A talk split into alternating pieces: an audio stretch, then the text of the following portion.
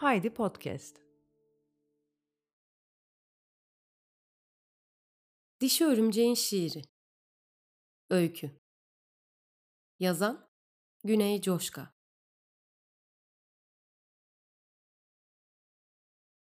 Dişi örümcek çok vefakardır. Yaşadığı yer küre onu tüm nimetleriyle besler. O yüzden çok vefakardır dişi örümcek karnındaki yavrularını yaşatmak için. O ister, doğa yer verir ona. O üretir, evini ağlarla örer, kendi doğasını dönüştürür, doğada yem verir ona. Sonra insan çıkar örümceğin karşısına. Onun ağlarını koparır.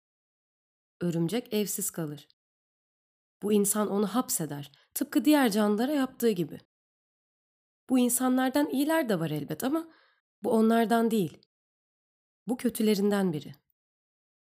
Örümcek yaşamak için mücadele eder hapsolduğu yerde. Sıçrar içine sıkıştırıldığı kavanozda.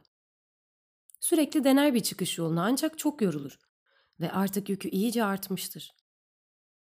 O an kara bir delik çıkar karşısına, içinden geçer. Sonra o kara deliğin ardında bedenini kendi ağlarıyla örmeye başlar. Bu ağlar onun son ağlarıdır ve o yüzden kırmızıdır. O tüm vücudunu kırmızı ağlarla sararken yumağın en ortasına gömer kendini ve ölüm uykusuna yatar. Bir zaman sonra ağlarının yüzeyinde yavruları belirmeye başlar. O yavrularını besleyebilmek için kendini feda etmiştir. Bu yavrular onun yer küreye armağanıdır. Kötü insan bu sürece şahit olur.